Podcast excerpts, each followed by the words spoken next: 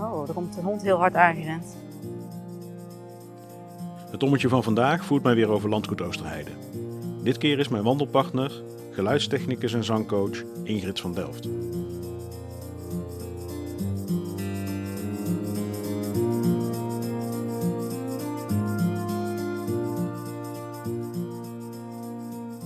Ik denk dat veel mensen jou wel kennen hier in Oosterhout eh, als, eh, ja, als geluidstechnicus, als eh, zangcoach, als eh, iemand die eh, bezig is met films.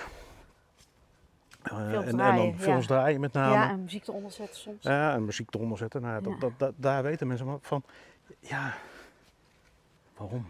Waarom? Waarom doe jij dat? Wat, wat, wat drijft jou om dat soort werkzaamheden te doen?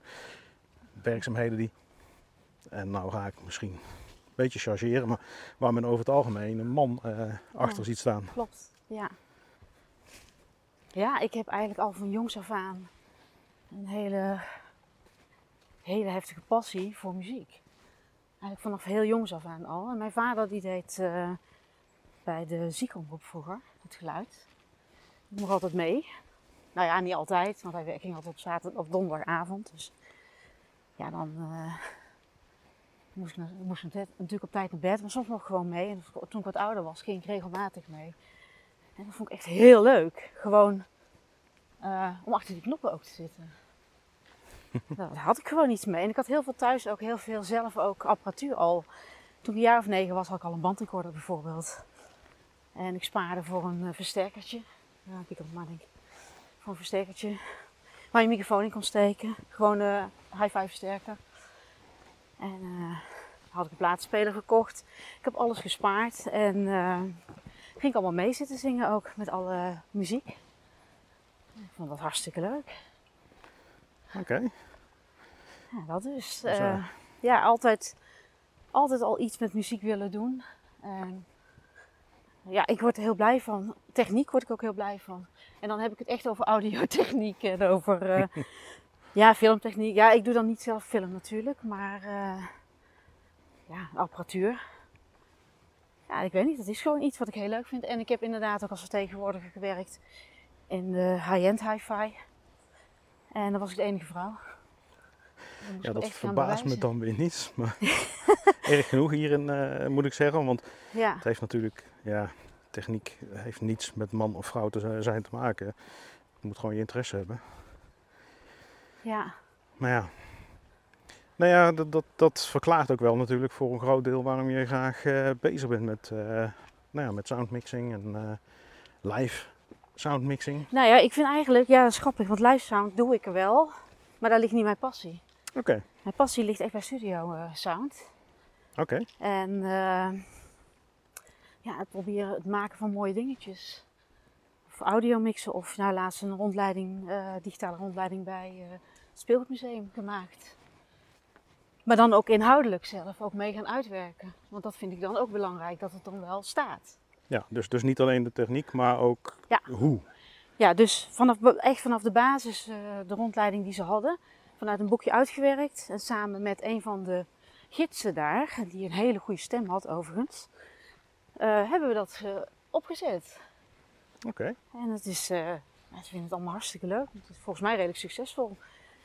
Ja, en dat, dat vind ik leuk. nou, zo mooi om, om, als je op die manier een aantal van jouw passies bij elkaar ziet komen, denk ik. Ja, ja, Dus dat je dan eh, toch eh, ja, bezig kunt zijn eigenlijk met, ja, met meerdere eh, van je interessegebieden.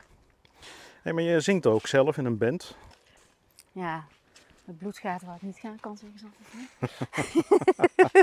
Dat is alleen maar leuk. Het is amateur en het is, dat is het.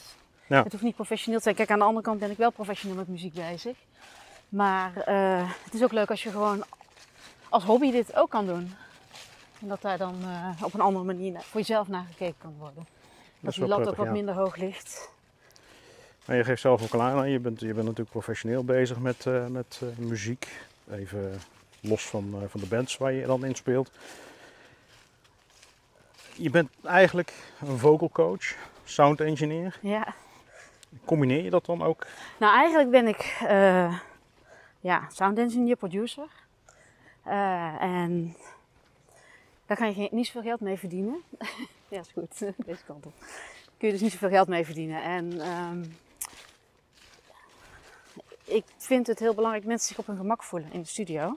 Mhm. Dus het is niet alleen voor zang, maar ook als gitarist zit of wie dan ook. Probeer ik eigenlijk altijd eh, een stapje terug te doen en iemand in zijn element terug te laten komen. Ehm, en dan ze weg te zoeken. Want het is al stressvol genoeg hè, als je in de studio zit.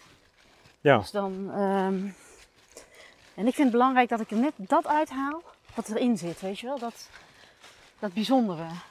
oké. En, en ja, dan moet je dan toch ook wel een stukje feeling voor hebben. Hoop ik, ja. Nou ja, ik ga ervan uit dat dat zo is. Eh, want ja, je, je geeft dus aan, eh, je hebt natuurlijk je eigen studio. Dus je, je, veel studiotechneuten hebben zoiets van, ja, ik ga over techniek en eh, ik wil dat het geluid goed is en de rest dat mag een ander doen. Ja, nee, bij mij gaat het een stapje verder eigenlijk. Oké, Ik vind het belangrijk dat mensen hebben talent en dat wil ik zien en dat wil ik terug horen. oké. En dat kost tijd. Soms. Ja. Kan ik me voorstellen. Maar ik heb liever dat het tijd kost en dat ik er iets uithaal wat bijzonder is. Hè, wat dan, eh, nou ja, bijvoorbeeld nu met die rondleiding van eh, de audio. Ik had een professionele voice over kunnen nemen. Maar ik heb gekozen voor iemand die daar altijd gewoon zelf rondleidingen geeft. Ik En- denk dat dat ook beter is, want dan hoor je de passie van, van de persoon zelf terug. Ik hoor dus de geest van het speelmuseum terug. Dat bedoel ik eigenlijk. Hè? Je Ja. hoort dus de geest terug van eh, het, het gevoel wat er eigenlijk is. En als ik er iemand ehm, inhuur die dat dus niet kan of kent, het verhaal of de achtergrond, dan klinkt het professioneel, maar dan zit die, dat gevoel er niet bij. En dat Ja. is wat ik belangrijk vind. En dat vind ik met alles wat ik doe. Het moet, ehm, ja, het moet diepgang hebben, het moet gevoel hebben, het gevoel erbij hebben. En dat hoor je terug. Daar ben ik Ja, ik- ik- dat je dat terug hoort. Denk het, dat denk ik ook wel, ja. Als ik, als ik zelf bijvoorbeeld naar muziek luister van mensen die dus passieloos zingen, om het zo maar te zeggen. Ze zijn technisch goed, ja, eh, dat, het wordt perfect geleverd, ja, exact. maar het spreekt niet. Ja. Het spreekt mij niet aan dan, zeg maar. Dus Klopt, dat is precies wat ik ook bedoel met zang. dan heb ik liever, dat inderdaad, heb ik liever iemand die zingt Ja, en wat minder gladjes klinkt, om het zo maar te zeggen. Maar waar wel de emotie uit door. nou ja, eh, da- dat is ook hoe ik coach. Ik ben geen zanglerares, maar ik ben een coach. mhm. Dus op het moment dat iemand gaat zingen, luister ik en kijk ik, dan zie ik, hoor ik technische dingetjes die niet goed zijn of wel goed zijn. Of... En daar gaan we dan aan werken, want techniek is belangrijk. Vooral ademsteun is heel belangrijk om een goede stabiliteit in Ja. je stem neer te zetten. Dus daar train ik altijd heel erg op, voor mezelf ook. Nou ja, nu vandaag niet. ik zit zwaar te heien, maar goed. Ja, Eh, ja, je, je beweegt nu ook wat op een andere manier, denk ik. ja, ik ben eh, ook wat astmatisch, dus dat heb ik Ah. altijd. Dus eh, daarom ben ik ook gaan zingen vroeger. Dat, maar dat is een ander verhaal, maar goed. Maar, maar dat probeer ik inderdaad en dan laat ik ze zingen en dan probeer ik die puntjes te halen van ik zeg, joh, het is perfect, maar ik wil iets horen, ik wil iets voelen. En dat is de meerwaarde die ik probeer mee te geven als coach. Ja. Nou ja, je gaf dus net zelf ook al aan. Je bent dus gaan zingen omdat jij zelf astmatisch bent. Dus Ja. betekent ook dat jij daar op een heel andere manier naar kijkt. Ja, ik kijk heel erg naar ademhaling ook. Ja. En ook, ja, ik heb ook wel eens mensen hoor die problemen hebben met eh, ja, hun luchtwegen of eh, met hun eh, met ademhaling. En daar kan ik dan ja, goed in invoelen, omdat ik het zelf ook heb. Ja, je Ja. weet waar de, nou ja, waar de tussen haakjes beperkingen zitten. Ja. En, hoe je, wat je hoe voor winst kunt halen Ja. ook aan eh, goede ademsteun. Ja. Eh, want die ademsteun zorgt er ook voor dat je gewoon wel weer meer lucht krijgt. Hoewel dat niet altijd werkt, door met astma gaan je eh, ja, die bronchiën gaan samenknijpen. Dus dan moet je eigenlijk gewoon inhaleren en dan heb je weer lucht. Dan ontspant dat, Ja. hè? Heb je dat nu nodig? Nee, ik, ik vraag het even voor de zekerheid. nee, dat had ik wel gedaan hoor. Dus nee, nee, nee. Nee, ik vind het wel, eh, wel interessant zo ook om te horen hoe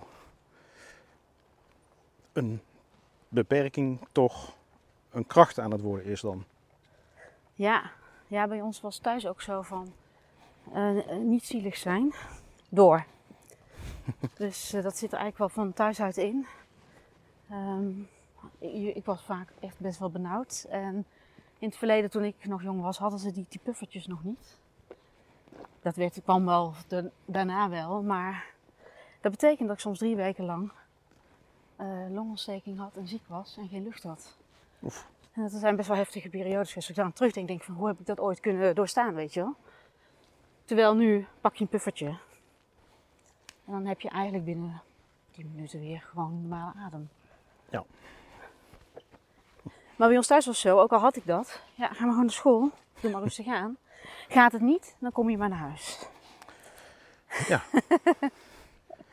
Dat is natuurlijk ook een insteek. Ja. Je, hebt, eh, je hebt ook ouders die anders eh, denken. Ja, ja. zeggen, nou, oh, als je ik klinkt- echt hoge koorts had, moest ik... blijf maar. Nee, als ik echt hoge koorts had, moest ik wel thuis blijven. Want dan zou je denken van... Ja, oké, maar Nee, maar soms je kunt natuurlijk anders je hele leven wel thuis blijven zitten. Ja. En dat is het ook niet. Dus ik moest altijd door. En dan heb je toch ook eh, dat je voor jezelf moet gaan zoeken van... Hé, hey, hoe kom ik hierdoor? Als het echt niet ging, ging ik wel naar huis hoor. Maar eh, Nee, maar dan, dan heb je voor jezelf ook in ieder geval het idee van, hé, hey, ik heb het geprobeerd. ja, en dat heb ik eigenlijk altijd al in mijn eh, hele leven hoor. Dat, eh, ook al zitten dingen tegen. Ja, ik mag mezelf gunnen ik tegenwoordig wel eventjes time-out. en dan is het een bepaald moment. Ja, morgen ga ik er weer voor en dan ga ik er ook weer voor. Schouders eronder en dan maar kijken. Ik neem aan dat je dat dan ook wel, eh, die mentaliteit eh, je ook wel een beetje heeft gebracht wat je nu hebt binnen, ja, binnen toch die mannenwereld.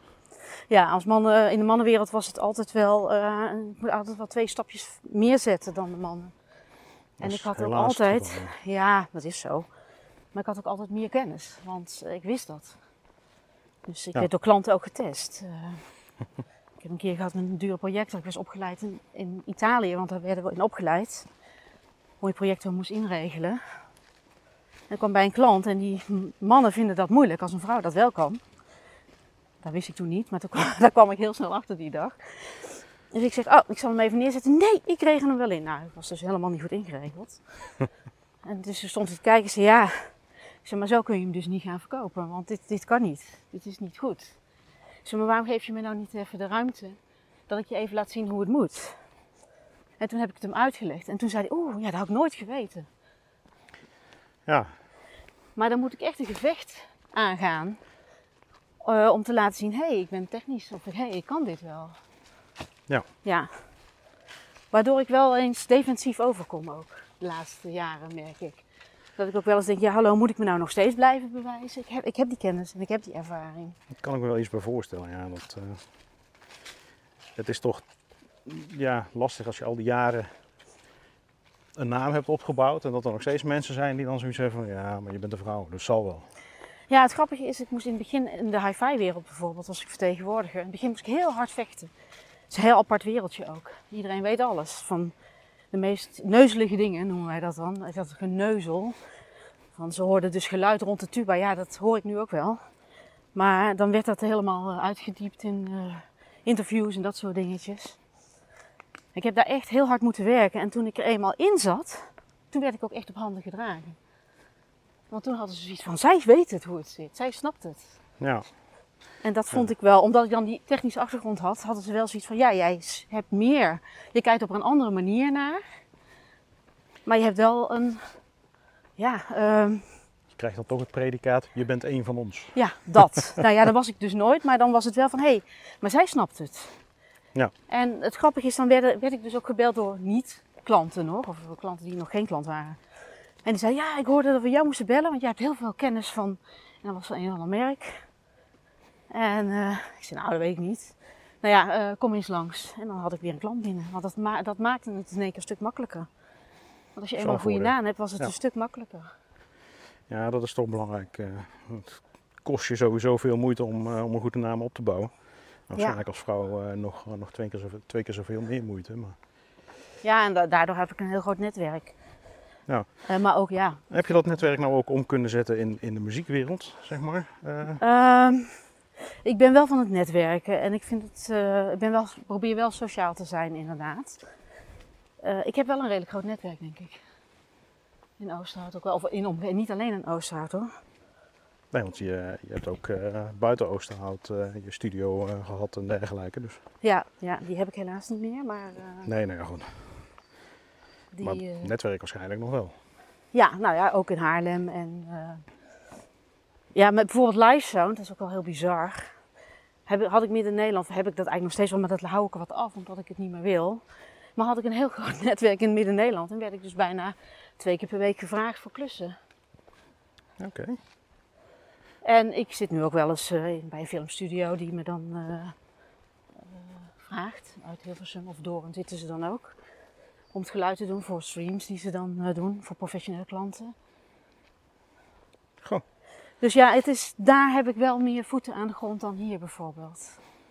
Ja, ja sowieso is dat, hoor je dat wel vaker. Mensen die ergens goed in zijn, dat ze juist buiten hun eigen woonplaats veel, veel makkelijker gezien worden dan in hun eigen woonplaats. Ja, dat klopt. Dat is heel apart. eh. Daar heb ik ook wel heel lang in Midden-Nederland gewoond. Dus zal ook wel misschien helpen heeft dat ook wel een deel eh, geholpen, denk ik. ongetwijfeld. Maar Ja. Nou ja, ik heb vorig jaar eh eh, Helen Vergouwen mogen interviewen bijvoorbeeld. Is een beeldend kunstenares, woont, eh, Ja. woont hier in Oosterhout. Maar Niemand kent haar. in? Oosterhout kent niemand haar. Nee, maar ze klopt. exposeert wel in, in Italië, in Frankrijk, in, in Azië. Ja, ik had jou, ik had de podcast eh, geluisterd Ah. natuurlijk. Ja, Dus ik Nee, vind dat verrassend dat is eigenlijk heel verrassend, vond ik ook heel, want ik kende haar ook niet. En het is heel verrassend.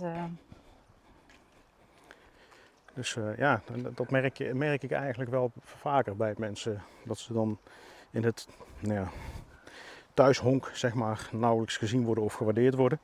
Maar daarbuiten juist eh, des te meer. Ja, dan heb ik ook niet echt altijd heel specifiek op Oosterhout gericht hoor. Dus, eh, Nee, ja, ik kan me ook iets bij voorstellen natuurlijk. Zo groot is Oosterhout Nee. maar niet om dan... Nee, maar omdat ik ook een heel groot deel van mijn leven in Midden- Midden-Nederland heb gewoond, heb ik daar ook, ook heel veel connecties nog steeds. En, Ja. Ja. Nou, het is wel leuk dat je zo eh, op die manier toch aan de gang kunt zijn met, eh, ja, met zoveel dingen die, die, die eh, naar ik dan meen te horen. Ja, de manier waarop je het vertelt dan zeg maar. Die gaat toch echt wel veel plezier brengen. Ja, ja, ja. dat is wel Dus, belangrijk, vind ik. Vroeger werkte ik eh, soms ook voor het geld. en tegenwoordig wil ik alleen maar dingen doen waar ik heel blij van word. Ik denk dat je dat ook wel moet doen, anders is het niet vol te houden. Nee. Overigens was ik als vertegenwoordiger vond ik het ook geweldig hoor, dat werk. Dat vond ik echt superleuk, omdat ik producten had die ik heel leuk vond. Ja. Dus ja. En dan anderen vertellen over die eh producten. Ja, het grappige is, ik begon bij Theak Tascam heel lang geleden als binnendienst. Maar ehm, op een bepaald moment kreeg ik alle servicevragen, omdat ik dat zo leuk vond. En met, met technische diensten, die doen dan wel technische vragen, maar gebruikstechnische vragen kenden ze dus niet. En omdat ik die apparatuur mee naar huis nam en dingen uitprobeerde, wist ik een hele hoop wel. Ja. En eh, eigenlijk is daardoor ook een beetje gegroeid hoor, dat ik dacht van, oh ja, dat is toch wel heel leuk. Dus dan, eh, en het geluk hebben dat je bij een bedrijf werkt die dat soort spullen importeert. Ja, dat is een mooie Ja. tijd. En daar heb ik nog wel wat apparatuur van over zelfs. Want ik heb, toen ik vijf jaar in dienst was, kreeg ik een achtsporen bandrecorder van Theak, een hele mooie. Die wat sch- bliksemschade had, die hadden ze gebruikt voor eh, opleiding voor de technische dienst. Maar die was helemaal goed. Oké, En toen zei ze, wil jij die? Ik zei, ja, die wil ik wel. En die heb ik nog steeds. kun je ook heel goed gebruiken denk ik in je werk. Wat Ja. je nu doet. Ik heb hem eigenlijk nog nooit gebruikt. Nou ja, ik, ik, ik ken wel wat, eh, ja, wat, wat sound engineers, zeg maar, die echt wel eh, nog die, die sporen bandrecorders Kan het gebruiken om, ja. ze, om ze in het geluid toch een bepaald uniek. Ja, ik ben wel Eh, van het analoge geluid hoor. Ik heb Ja. heel lang ook met analoge mengtafels nog gewerkt. Tegenwoordig werk ik met digitaal. Wat dan, en nu heb ik toch wel het voordeel van digitaal leren kennen eigenlijk. wat veel makkelijker is. Maar Digitaal brengt gemak met zich mee, Ja. maar daar, daar zit natuurlijk ook een schaduwzijde aan in de zin van verlies van. Bepaalde eigenschappen, bepaalde kwaliteiten. Nou, eh, als je analoog opneemt klinkt het toch wel warmer en anders. En, maar het heeft ook wel zijn nadelen. Oh, ongetwijfeld. Want je hebt er makkelijker ruis op. Je hebt er, eh, ja, Ja. je hoort het wel. Ja. Ehm, ik heb ook verschillende mengtafels. Dus ik heb bijvoorbeeld één mengtafel die is heel duur. En als ik daarmee opneem, hoor je dat ook. En ik heb een kleinere, een kleiner ja, interfaceje eigenlijk. En die klinkt wat moderner, want die heeft wat sneller geluid, noem ik dat dan. Ja, ik kan dat niet uitleggen, maar dat heeft een snellere sound voor mijn gevoel. Mhm. Eh, maar ik hoor het, je hoort het verschil. Dus als ik met de grote mengtafel opneem, hoor je echt wel dat het wel betere kwaliteit is. En dat het meer, eh, meer ruimtelijkheid geeft in je opnames of meer schoner is. Of, Ja, ja. Dus daar zelf zit ook nog heel veel. Oh, daar gaat hier iets mis. Ervaring in. En geluidsverschillen natuurlijk. nou ja, dat geloof ik ook wel. Dat, eh, het probleem zit er natuurlijk ook vaak in. ehm, kijk, eh, je hebt, een, een, chip in die digitale spullen zitten. En ik denk dat vrij veel van die digitale spullen dezelfde chip gebruiken. Toch zeker in een bepaalde prijsrange. Dus dan ga je dat zeker. eh, ja, die, die chip heeft ook beperkingen. Ja, maar ja, je hebt ook je DA-converters, hè? dus je, je Ja. microfoonvoorversterkers, eh, dat soort dingetjes, die maken er ook wel eh, het verschil in hoor. En ik weet wel dat we vroeger met de hi-fi hadden wel eens, oh dat geneuzel, maar ze hadden wel gelijk, want ik hoor het toch wel. Ja. Ook in mijn eigen opnames hoor ik het wel. Ik denk als je opneemt, dat je juist meer daarop gericht gaat zijn. Ja, Dat je dus vaker de afwijkingen hoort of de, net dat ene tikje wat niemand hoort, maar jij ja, wel. ja, ja, maar dat sowieso, dat hoor ik sowieso. Ik hoor dat overigens ook bij anderen in de opnames. Ik hoor ook foutjes in andermans opnames. Ja, dat, eh, dat herken ik wel. Ja, dat, eh, En dat is niet erg, want dat geeft ook eh, karakter aan het nummer bijvoorbeeld. geeft zeker een bepaalde charme, denk ik. Ja. Ja, en als iemand bijvoorbeeld veel autotune of heel licht autotune gebruikt, hoor ik het ook. Dus de correctie van je stem, hè? dus pitch. Dat, Ja. dat kan wel net iets te veel zijn geweest, dan hoor je dat meteen. Eh, ja, alhoewel ik denk dat er sommige producers er echt voor kiezen om, eh, om juist dat, ja, dat, dat stukje te oversturen, omdat dat een bepaalde, nou ja, mijn een bepaalde sound met zich die zit eh, in de, de, drum and bass scene, zeg maar. En die gebruikt de standaard. En Ja. Ik vind het verschrikkelijk. Ik, ik, ik vind dat verrassend. Ik heb, ik heb daar met, met, met geluidsengineering heb ik natuurlijk heel veel mensen ook wel gehoord en, gele- en bekeken ook op YouTube en noem maar op. Er is echt een, een stevig voorkamp en een stevig tegenkamp. ja, ja. Ik weet niet, wat kan ik nu op moeten? Maar Deze. deze kant. Ehm, Ja, je kunt makkelijk verdwalen hier. eh. Het nou, het is je komt ook weer heel makkelijk bos, uit. Ja, ik ben hier Het is niet zo super groot, dat scheelt. Nee, ja, het is grappig, is, we hadden het over mijn astma. Ik kwam, eh, of ik kom eigenlijk altijd in het bos als ik het ook benauwd heb. Oké, Want dan krijg ik weer meer lucht. minder, eh, minder fijnstof. Ja, en ik, zit hier, ik zat hier vroeger ook heel veel. Dus het is, ik vind het bos altijd heerlijk. Bos is zeker heerlijk, ja. Ja. Het is ook lekker rustig. het is voor mij dichtbij, dus ik kan er zo naartoe lopen. ja, ja, dat heb ik nu ook bij uh, Madame de Vrachelse Heide. Maar, Ja, voor jou is het ook dichtbij. Ja. ja. dus, Maar de eh, andere kant op. De andere kant op, inderdaad. Ja. hey, maar recente projecten. ehm, behalve dan jouw, jouw tussen haakjes hobbyprojecten in de zin van eh, eh, bands. Zijn er andere projecten waar je mee bezig bent? Ja, ik ben op dit moment met twee projecten bezig. Nee, met drie eigenlijk. Maar Drie? Ja. Ehm, eentje is een van mijn leerlingen. Die zit al vanaf de negende bij mij. Die is nu 18. Oké. Dat is echt al heel lang. Die eh, schrijft muziek zelf. En die help ik met het uitbrengen van haar nummers. Oké. Nou, dat is wel, eh, wel leuk. Ja, Hoe, hoe, eh, hoe moet ik dat zien, uitbrengen van, van haar nummers? Want, zij speelt piano en zingt. Mhm. Dus dat nemen wij gewoon. Het wordt heel puur. Dus het is, wat wij doen is heel puur. Het is heel minimaal. Dus ik ga niks onder, niks. Alleen piano, muziek en haar moeder speelt cello. Gooien we de cello in. En zij doet verschillende stemmen, want dan doen we meerdere stemmen opnemen. En dat is het. Het is gewoon puur. ja, En dat past heel goed bij haar sound en wat ze doet. Nou, daar zijn we eigenlijk ook al een tijdje mee bezig. Vanaf het moment dat, dat lockdown was, zijn we er eigenlijk mee begonnen ook. en waar breng je dat soort nummers dan uit? Of Op hoe? Spotify. Gewoon op. Spotify rechtstreeks zelf? Dat doet ze. Ja, zij zit nu zelf eh, bij de distributeur. Oké. Ehm, ik lever ze dan aan en zij, zij release ze dan. En eh, ja, dat doe ik dus ook al een tijdje. Daarnaast eh, heb ik Yesterday's Legends natuurlijk. En daar heb jij ook in meegedaan. Daar heb ik ook al mee gedaan, inderdaad. En het Yesterday's Legends was een fantastisch leuk project om mee te beginnen. En toen kwam corona. en dan Dat al ook vaak ga horen. Voor, eh, ja, dat is echt heel erg geweest. Want eh, in 2000, begin 2020 eh, had ik dat ook samen met eh gemeente Oosterhout heb ik een, een soort budget voor gekregen om daar iets mee te gaan doen.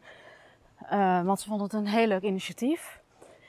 Het wat bedoeling is natuurlijk dat mensen die. Want ik moet even uitleggen wat Shakespeare's Legend is natuurlijk. Ehm, ik geloof erin als je je passie volgt, je hart volgt, wat ik zelf ook graag doe, dat je heel erg eh, veel uit iets kan halen. Eh, als je je passie volgt vanuit een passie zoals ik met muziek, doe je dat. Of als met schilderen. Of als je voor iemand een ode, van iemand een ode wil brengen. Want dan wil je het be- beste en het perfectste neerzetten. Ja. En daar geloof ik heilig in. Ehm, een vriendin van mij overleed in 2019, dacht ik dat dat was. Of is dat 2018? Nee, 2019. En ehm was heel heftig. Op heel korte termijn was ze, zeg maar negen weken was ze al overleden. En ik heb ze de laatste, eh, voor de, net voordat ze stierf gezien, de laatste keer. Ik kon niet meer met haar praten. Want eh, ja, ze had heel veel pijn. Ze wilde ook niet dood. Een heel gevecht was dat. En toen dacht ik, ja, ik wist niks meer tegen haar te zeggen, maar ik wilde het nog wel zien. En zij wilde mij ook heel graag zien, dat wist ik. Maar... En toen heb ik eh, het liedje Landslide van Fleetwood Mac ingezongen voor haar. En toen dacht ik, dat is voor mij een nummer waarbij ik denk van ja, ja, dat moest ik gewoon niet vertellen. Ik word er nu nog, nog emotioneel van als ik het zeg.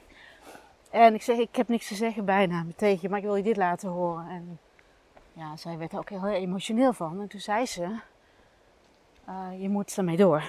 Je moet met wat je nu aan het doen bent, ermee door. En mensen eh, de, hetzelfde geven, de kans geven om dit te doen. Dus ik heb haar dat ook beloofd. Eh, daar is het eigenlijk door ontstaan. Dat is wel een krachtige motivator, denk ik. Ja. Ja, ja, ja. Ik denk ook altijd, denk ik, oh ja, dat moet ik wel doorzetten. Want ik moet het, oh, heb ik beloofd, dat moet ik nog doen voor haar. Ja. Ehm, en zo heb ik natuurlijk, ja, jij hebt een eh, ode aan eh Leonard Cohen geschreven. Ja, ja, Ja, ja, all-time hero. ja, dus dat ook. Dus voor jou ook een held. Dat is voor mij zeker een held. Ja. Ja, is ook een voorbeeld eh, voor mij inderdaad in de vorm van eh, ja, toch iemand die eh, ondanks zijn, zijn donker gemoed, om het zo maar te zeggen, toch geprobeerd heeft om zoveel mogelijk uit het leven te halen. ja. En daar ook, dat ook niet onder stoel of bank gestoken te hebben. Nee, Hè? Vooral nee. niet in zijn laatste periode natuurlijk. Hij was er gewoon eerlijk en open over, Ja. over, waar, nou ja, over de spoken waar hij mee, mee rondwaarde. Dus Ja, je hebt een heel mooi eh, gedicht gemaakt. En ehm, nu hangt het nog steeds stil. En er zijn wel al achter de schermen heel veel dingen gebeurd. Alleen het is nog niet gezien. We zouden eigenlijk een soort expositie gaan houden voor mensen die geschilderd hadden, filmpjes gedraaien, gaan draaien, ehm, optredens gaan doen. Steeds gebeurde het dus dat ik weer een datum had en dan was er weer een lockdown. Dus eh, Ja. nu eh, wist ik even niet meer wat ik mee moest. Gemeente Oosterhout vindt het ook wel jammer, dus ik moet daar ook nog steeds mijn weg in vinden. Ehm, dus ja, ik wil eh, sowieso een soort album gaan releasen op Spotify bijvoorbeeld. Mhm. Waarbij alles waar iedereen aan meegedaan heeft ook, Ook, eh, daarop staat. oké. Dus dat is de volgende stap eigenlijk. En ehm, Maar expositie, dat, dat, ja, dat komt dan er ook wel bij. dat hè? komt er ook nog wel. Ja, Ja, want het is, nou ja, weet je, je weet dat, eh, nou, dan kan ik dus niet op zijn naam komen, die fotograaf die overleden is, die ken jij ook. Leo de Jager. Ja, ja, Leo de Jager, daar heb ik een digitale expositie op mijn website van staan. Hè? Ja. Ik had dus in zijn tijd dat hij nog leefde, van zijn film, van zijn beelden, een filmpje gemaakt voor het filmcafé toen nog. En Ja. ik had er twee gemaakt, twee filmpjes. En eh, ja, ter nagedachtenis van hem staat dat dus nu ook op de site, die twee filmpjes. Dat is wel mooi. Ja. En met zijn verzoeken om een bepaald soort muziek onder te zetten. En dat heb ik dus gedaan. En dat is ook wel. Nou ja, dus op, op de website staan er dingen. Ik heb eh, mensen die iets getekend hebben, die een heel verhaal eromheen verteld hebben. Dat staat ook allemaal op de website. Het liefst zou ik een soort CD met een boekwerk uit willen brengen, maar dat wordt misschien toch iets te, is misschien wat te lastig. te lastig. ja.